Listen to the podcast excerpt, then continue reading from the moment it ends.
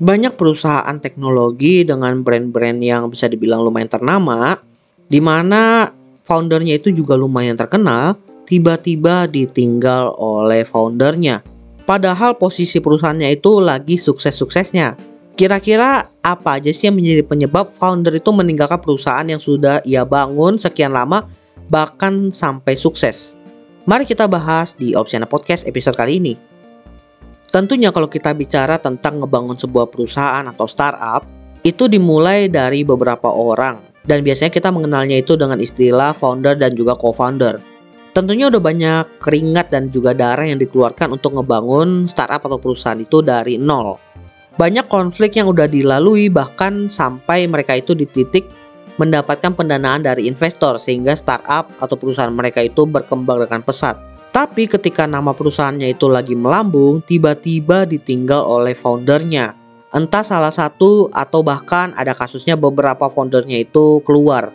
Pasti orang-orang yang di luar perusahaan itu bakal mikir, kok mereka keluar dari perusahaannya ketika perusahaannya lagi naik ya? Kan mereka rugi jadinya. Bisa dibilang ada benarnya karena nggak sedikit juga founder yang kehilangan hak atas perusahaan mereka. Tapi ternyata ada juga founder yang setelah keluar dari perusahaannya itu masih memiliki hak atas perusahaannya dalam bentuk saham. Di sini gue udah merangkum menjadi empat alasan kenapa founder memutuskan meninggalkan perusahaan yang sudah ia bangun ketika perusahaannya itu lagi sukses-suksesnya. Langsung aja kita mulai alasan pertama, ini adalah alasan yang paling umum, yaitu arah perusahaan yang sudah tidak sejalan dengan visi dari si founder. Balik lagi ketika founder-founder itu mendirikan perusahaan atau startup, mereka itu menyatukan visi dan misi mereka ke dalam visi misi perusahaan. Mereka udah ngelalui banyak hal, bahkan konflik-konflik antar founder itu sering terjadi. Bahkan sebelum perusahaan itu bisa dibilang namanya naik. Makanya jangan heran ada juga founder yang keluar bahkan pas perusahaannya itu belum apa-apa. Tapi bukan berarti ketika perusahaan itu namanya udah naik, udah sukses, konflik internal itu nggak mungkin terjadi. Itu masih sering terjadi entah dari sesama founder atau dari orang luar yaitu investor. Hal umum yang sering terjadi adalah di mana para founder atau investor itu ingin agar perusahaannya itu bisa menghasilkan revenue bahkan mencapai profit. Dan ternyata cara atau metode yang dilakukan itu tidak sesuai dengan arah perusahaannya. Misal, perusahaannya itu tidak ingin ada iklan di dalam aplikasinya, tapi dari investor atau dari salah satu founder itu kekeh pengen ada iklan. Lalu akhirnya ada clash, konflik, dan tidak ketemu jalan tengah. Akhirnya founder yang tidak setuju memutuskan untuk keluar dari perusahaannya.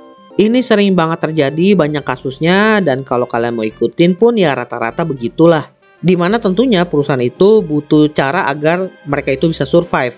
Tapi terkadang cara yang ditemukan atau diimplementasi itu tidak sesuai dengan keinginan salah satu founder. Dan kalau seandainya foundernya itu idealis banget, perfeksionis banget, di mana pengen benar-benar sesuai dengan visi misi awal, ini yang sering menjadi masalah.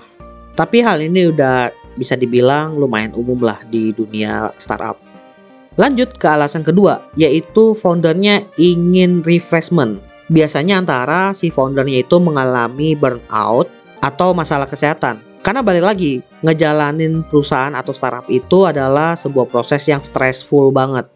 Bahkan stressfulnya itu udah dimulai dari awal ketika lu ngebangun perusahaannya itu dari nol. Di mana dari resource lu itu sangat terbatas. Gimana cara lu mengolah resource lu. Sehingga lu itu bisa survive dengan resource yang terbatas. Tapi ketika perusahaan lu itu namanya melambung naik, udah dapat investor, lu mendapatkan resource dalam jumlah banyak. Tapi ingat, resource-nya itu bisa dibilang resource dari orang lain Di mana cara mengelolanya itu bukan cuma agar perusahaan itu bisa survive, tapi lu juga harus bisa mempertanggungjawabkan metode penggunaan resource tersebut. Itu satu. Lalu stressful yang kedua, manage orang. Manage orang di sini bisa antara lu nge-hire orang, kemudian mencat orang, kemudian manage tim, menjalankan sebuah project, gimana cara mengerjakannya. Intinya banyak hal stressful yang dialami ketika menjalankan perusahaan jalani usaha UMKM yang kecil aja kadang lumayan stres. Gimana ngejalanin usaha yang skalanya udah gede kayak perusahaan gitu. Makanya di sini founder itu butuh refreshment. Terkadang refreshmentnya di sini itu nggak bisa dengan menggunakan cuti. Sehingga si founder itu akhirnya memutuskan untuk keluar dari perusahaannya aja. Benar-benar fokus ke pemulihannya dia. Terlebih kalau seandainya masalahnya itu berhubungan dengan kesehatan. Tapi refreshment lain bukan cuma terkait burnout atau masalah kesehatan juga sih. Ada juga terkait keinginan dari si founder itu untuk menempuh bidang yang baru. Mungkin dia punya resource, punya ketertarikan dengan bidang yang lain dan pengen fokus ke sana, ya udah dia pengen fokus ke sana. Jadi bisa dibilang pindah ke bidang baru itu adalah bentuk refreshmentnya dia. Karena balik lagi, kadang-kadang ya kalau kita bicara terkait perusahaan besar itu yang udah ada investornya, investor itu nggak suka sama orang yang fokusnya itu terpecah. Makanya kadang kalau ada founder yang pengen nyoba di bidang yang baru itu, akhirnya banyak yang memutuskan untuk keluar dari perusahaannya daripada muncul konflik kan. Lanjut, alasan ketiga yaitu ingin mempercayakan perusahaannya kepada orang baru. Orang baru ini bisa orang dari perusahaan lain, bisa juga generasi yang baru. Nah, kalau kita bicara dari perusahaan yang lain, biasanya ketika perusahaannya itu mungkin dibeli oleh perusahaan yang lain. Dan ketika dibeli, ternyata foundernya itu memutuskan untuk melepas perusahaannya kepada perusahaan itu. Ya, ini sering terjadilah ketika proses akuisisi atau mungkin merging. Kemudian mempercayakan perusahaannya kepada generasi baru generasi baru yang gue maksud di sini adalah kepemimpinan baru tapi masih dalam satu perusahaan. Biasanya bawahannya dia itu naik menggantikan dia. Biasanya karena founder itu menganggap skillnya itu kurang mumpuni. Loh, kurang mumpuni kok bisa bangun perusahaan sampai gede, sampai terkenal, sampai dapat investor. Jadi ini yang gue pelajari ya ketika udah bekerja lumayan lama, di mana contohnya itu nge-manage sebuah bisnis yang skalanya itu startup berbeda dengan memanage perusahaan yang skalanya itu udah besar. Nama skillnya sama-sama memanage perusahaan, tapi skalanya beda. Permasalahannya adalah ternyata si founder ini tidak bisa men-scale skill dia untuk bisa memanage perusahaan dalam skala gede. Dia itu terbatas sampai memanage di skala startup aja. Startup yang belum mendapatkan investment. Lah kalau begitu kan si founder bisa belajar dulu. Betul bisa belajar. Tapi kita bicara tentang memanage perusahaan yang gede di mana urgensinya itu lumayan tinggi untuk punya orang yang benar-benar punya pengalaman memanage perusahaan skala besar. Sedangkan untuk belajar hal tersebut itu butuh waktu, butuh percobaan juga. Dan biasanya investor balik lagi nggak pengen mengambil resiko itu karena kemungkinan gagalnya lebih tinggi. Dan si founder biasanya paham akan hal itu juga dan ingin perusahaannya survive, makanya mending dipercayakan kepada orang yang punya skill tersebut. Dan biasanya sebagai gantinya si founder itu keluar dari perusahaan. Tapi bukan keluar benar-benar keluar sih. Kadang posisinya itu masih komisaris, benar-benar posisi yang memantau kinerja si orang yang dipilih ini. Jadi bisa dibilang keluar yang nggak benar-benar keluar.